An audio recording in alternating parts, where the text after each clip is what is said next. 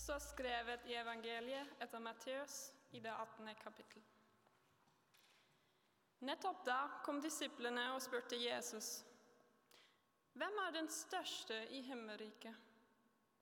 Da kalte han til seg et lite barn, stilte det midt iblant dem og sa, 'Sannelig, jeg sier dere:" Uten at dere vender om og blir som barn, kommer dere ikke inn i himmelriket.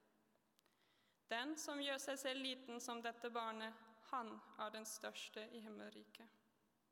Og den som tar imot et slikt lite barn i mitt navn, tar imot meg.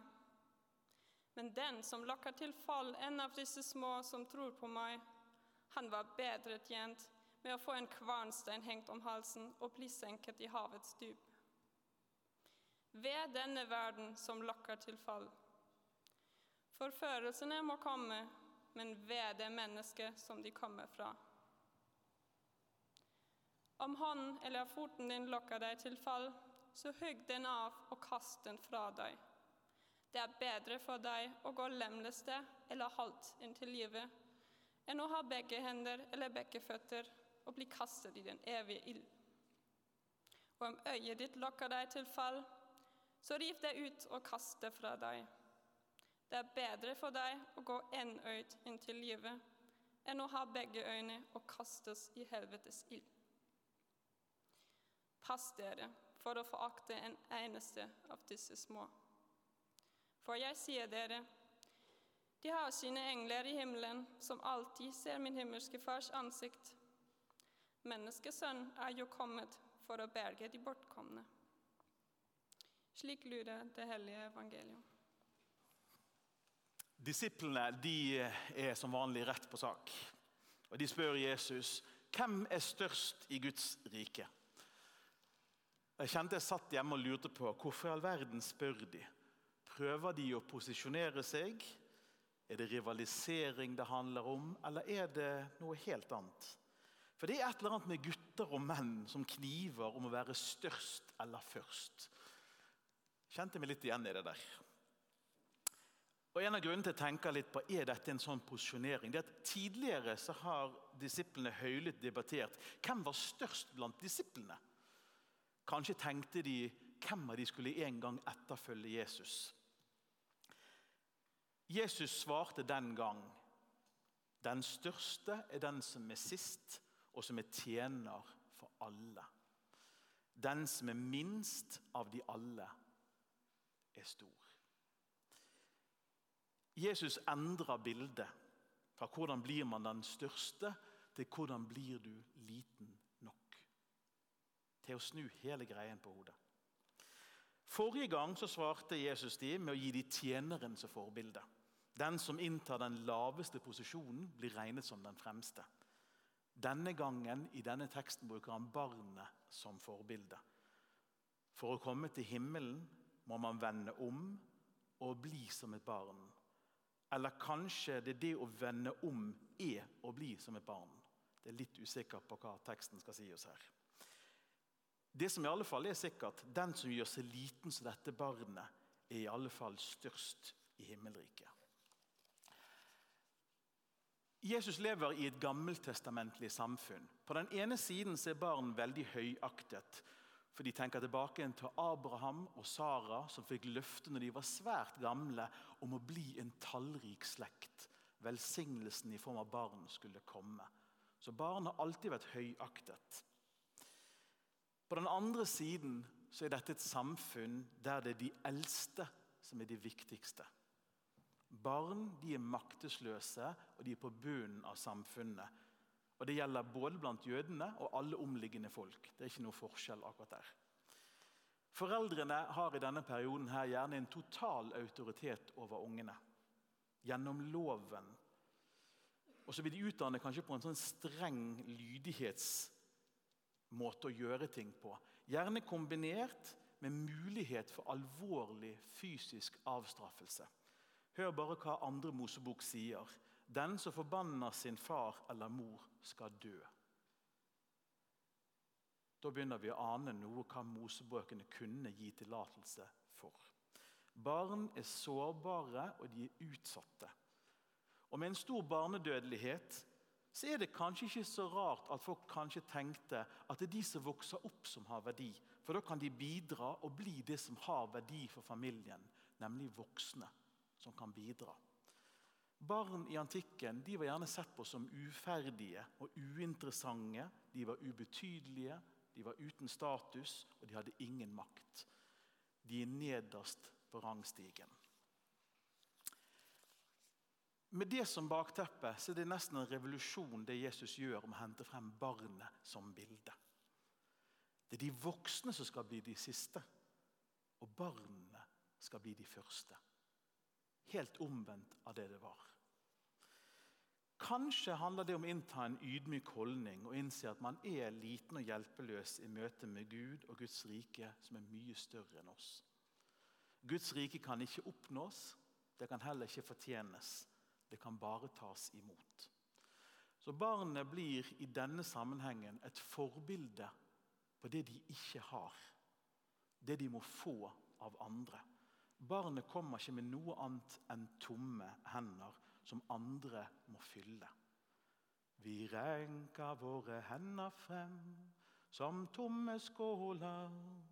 Kom til oss, Gud, og gi oss liv fra kilder utenfor oss selv. Det er jo barnets posisjon vi synger om der. Barnet utlevert til livet, avhengig av sine foreldre.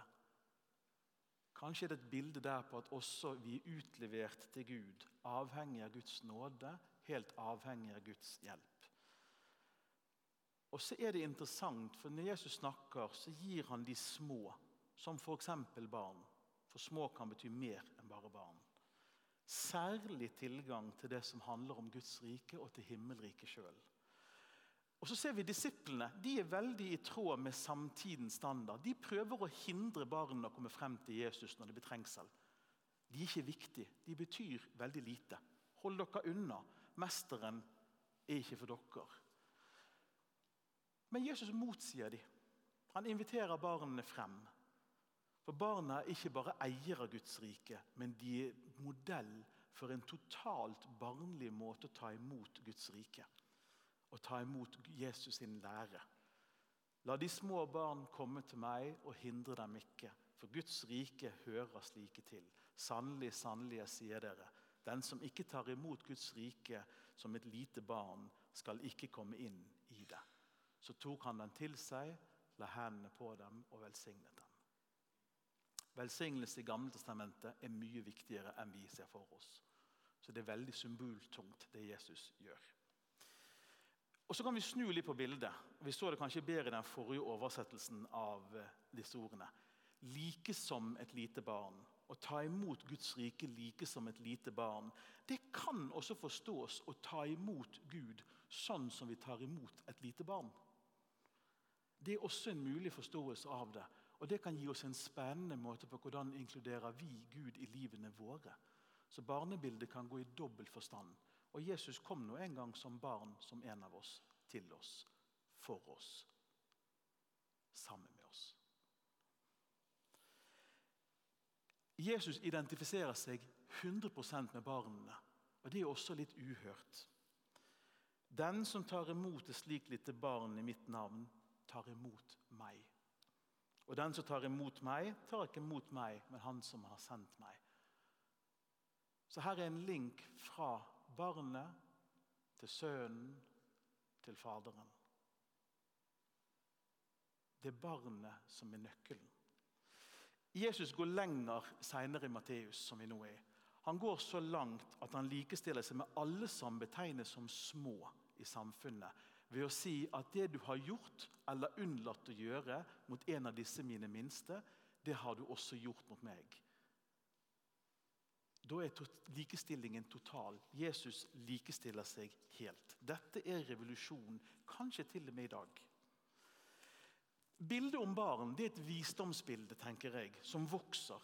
Og som jeg tror er ment å romme vår tids forståelser av barn også, som ikke man tenkte på i antikken. Etter min mening passer det iallfall veldig godt. Fordi ved å gå til barn som forbilde for tro, så kan vi kanskje gå bort fra troen som en sånn intellektuell gymnastikkøvelse til å se det heller som en relasjon. Når du er barn, så er relasjonen det viktige. Du hører til. Det er det troen først og fremst handler om. Ikke å ha forstått alt, men å høre til. Det å høre til i en familie. Se rundt deg. Guds familie er samlet. Hallo, en familie. Det er fint å se dere. Det å ha søsken, det å ha foreldre, det å ikke være alene. Det ligger i barnet som bilde. Og Så sier det også noe om likhet. Alle små barn, alle barn betyr noe. Og hvordan vi forholder oss til de som er små, det er målestokken gitt for hvordan vi egentlig da forholder oss til Gud. Når Jesus likestiller seg sjøl med barna. Det er en helt annen måte å være troende på enn før. For Gud har ingen yndlingsbarn. Gud har bare barn, og de er elsket alle sammen like mye. Så det er ikke et likhetsbilde også. Guds barn, lik status. Alle er stilt på like fot. Alle er elsket. Ikke bare de få. Når jeg søkte, jeg googlet litt, så tenkte jeg ah, barn som forbilde. tenkte jeg, Det må jo være mange som har skrevet om. Det Google-søket ga omtrent bare følgende svar. Du er ditt barns største forbilde. Og så var det artikler om oppdragelse jeg fikk. Denne bibelteksten sier det motsatte. Barnet er forbildet for å oppdra oss voksne i troens verden. Det var litt rart at jeg fant ikke en eneste artikkel om barn som forbilde. Kanskje noen av oss må begynne å skrive artikler, så kanskje vi får noen Google-søk. Barnet har verdi. Det er nytt. Og noe lærer oss voksne i seg sjøl, som barn, ikke som fremtidig voksen. Det er kanskje noe vi ser tydeligere i dag, og som jeg mener absolutt ligger i bildet. Jens Petter Jørgensen, som stiftet fornyelsesbevegelsen Oase, han har sagt dette her. Til himmelen går det bare an å reise på barnebillett. Jeg syns det er veldig fint. Jeg liker det bildet der. For av alle måter Gud kunne komme på, hvordan reiste Gud? Gud reiste til oss som et sårbart barn. Født i tiden som en av oss. Som vår søster, bror. Jeg tror vi skal si begge deler, selv om vi er klar over at det var kjønn der. Men jeg tror ikke det er det som er kjønnet så viktig. Som søsken kom. Og Matteus identifiserer barnet med profetiene. Barnet som kom, er Immanuel, som betyr Gud er med oss. Igjen denne likestillingen mellom barnet og Gud. Det er noe veldig fint der. For Når vi ser på ethvert barn, så kan vi minnet om akkurat det. Gud er med oss, som en av oss, og som noe mer enn oss. Det som er litt farlig med å bruke barn som bilde, er Jeg har gjort det sjøl, og jeg vet mange andre gjør det. Det er veldig lett for å idyllisere barn. Så jeg skal stoppe opp og ikke gjøre det litt. Så får dere se om dere henger med. For mange ganger er det ikke enkelt å være barn, og det gjelder fremdeles den dag i dag. Barn er fremdeles sårbare. De har ikke endret seg.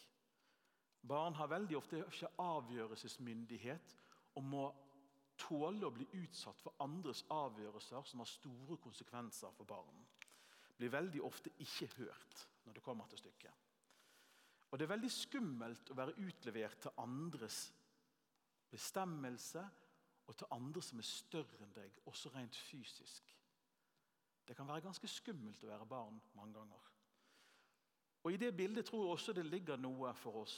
Det kan oppleves som ganske skummelt å skulle stole på Gud eller være utlevert til å leve et liv her på jorden i det hele tatt. Der kan vi kanskje kjenne oss igjen i barnet også. En del har ikke hatt gode relasjoner i familie. En del har ikke hatt gode foreldre. Noen har ikke hatt foreldre. Og Det kan gjøre det vanskelig å forholde seg til bilder med Gud som forelder. Og kanskje særskilt hvis Gud er far. For det er mange som ikke har et godt forhold til sine fedre. Og Helt uavhengig om du har hatt en god far og en god mor Jeg er snart 50. Jeg er noens barn. Det er ikke alltid enkelt å være noens barn. Og spesielt ikke når rollene begynner å skifte. Min mor er fremdeles min mor, men mye av det hun gjorde da jeg var liten, skal jeg nå gjøre, kanskje for hun. Det er ikke alltid enkelt å være noens barn. Kanskje ikke det alltid er enkelt å være Guds barn heller. Barn er veldig opptatt av at de voksne skal være glad rundt, ikke bli skuffet. Og vi setter mye inn og glatter over i mange sammenhenger. Jeg tror ikke det er få som i dette bildet om å være Guds barn også er redd for å skuffe Gud. At ikke Gud er fornøyd med meg, at ikke jeg er på den veien jeg skal. Da tror jeg det er tungt å være et Guds barn, hvis det er sånn vi tenker om Gud.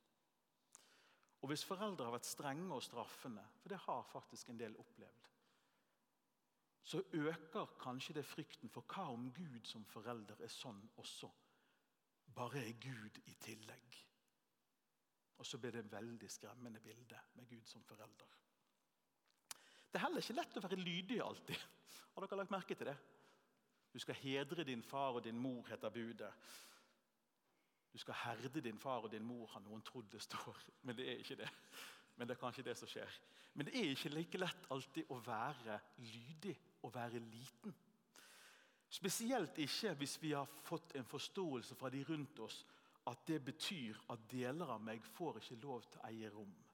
Altså, jeg skal gjøre meg mindre enn jeg er. Jeg skal ikke få plass i meg sjøl. Dette er ikke det som ligger i å være et Guds barn som bilde. Jeg tror det er det motsatte. Det skal være plass til å romme den vi er. Og Det er ganske viktig å understreke. Det er også viktig å se på noe vi gjør til barn Veldig ofte har vi andre krav til barn, og nå snakker vi om de gode annerledes krav til barn. Kanskje kan det være en god ting for oss å huske òg. Vi er Guds barn, vi er ikke Guds voksne. Kanskje har Gud gode måter å se på oss i forhold til Jesus som sin sønn. Kanskje blir vi sett på på en annen måte.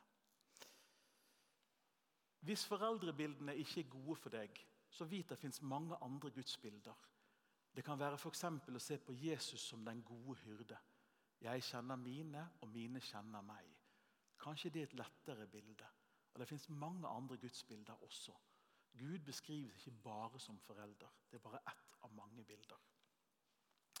Hvis vi går tilbake igjen til Dag da, i en sånn positiv stemning, hva tenker vi på barn som forbilder i kirke? Vel, Det første bildet av meg i kirke som jeg vet om, det er å bli båret til dåp. Strevet ikke for det et sekund. Fikk det helt gratis til gode, helt ufortjent. Og Det kan være et godt bilde å ta imot frelsen, det som skjedde i dåpen.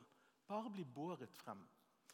For barn er ofte gode å ta imot. Dette snakket vi en del om i gudstjenestekomiteen. Barn er gode på å ta imot ofte, uten å føle at de må seg fortjent til det som kommer. At de trenger å bevise noe. Der er barn veldig gode forbilder. Det kan vise oss noe med å ta imot nåden. Den kan aldri være fortjent. Den er gratis. Kanskje kan vi lære noe av barn. Og Det å sette pris på ting uten å føle skyld eller skam for vi hadde noen gode ting. Det som mange flest tenker på, er tillit. Barn er ofte tillitsfulle. Stole på at andre vil med vel. Når et barn blir kastet opp i luften av sine foreldre, så stoler de 100% på at mor eller far eller den andre som kastet dem, tar imot dem. Har dere prøvd sånne øvelser som voksen å stå i en sirkel der dere skal falle bakover og stole på at noen tar imot dere? Det er så utrolig vanskelig. Et barn stoler alltid på at det blir tatt imot. I alle fall nesten alle barn.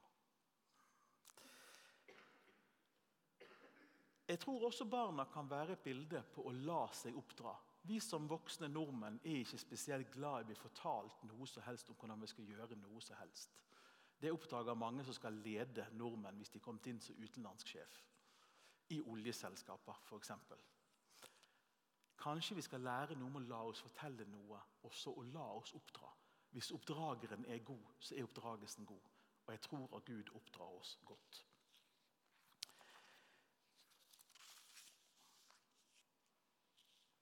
Jeg syns også barn er fantastisk når det gjelder nysgjerrighet og åpenhet for det som er annerledes.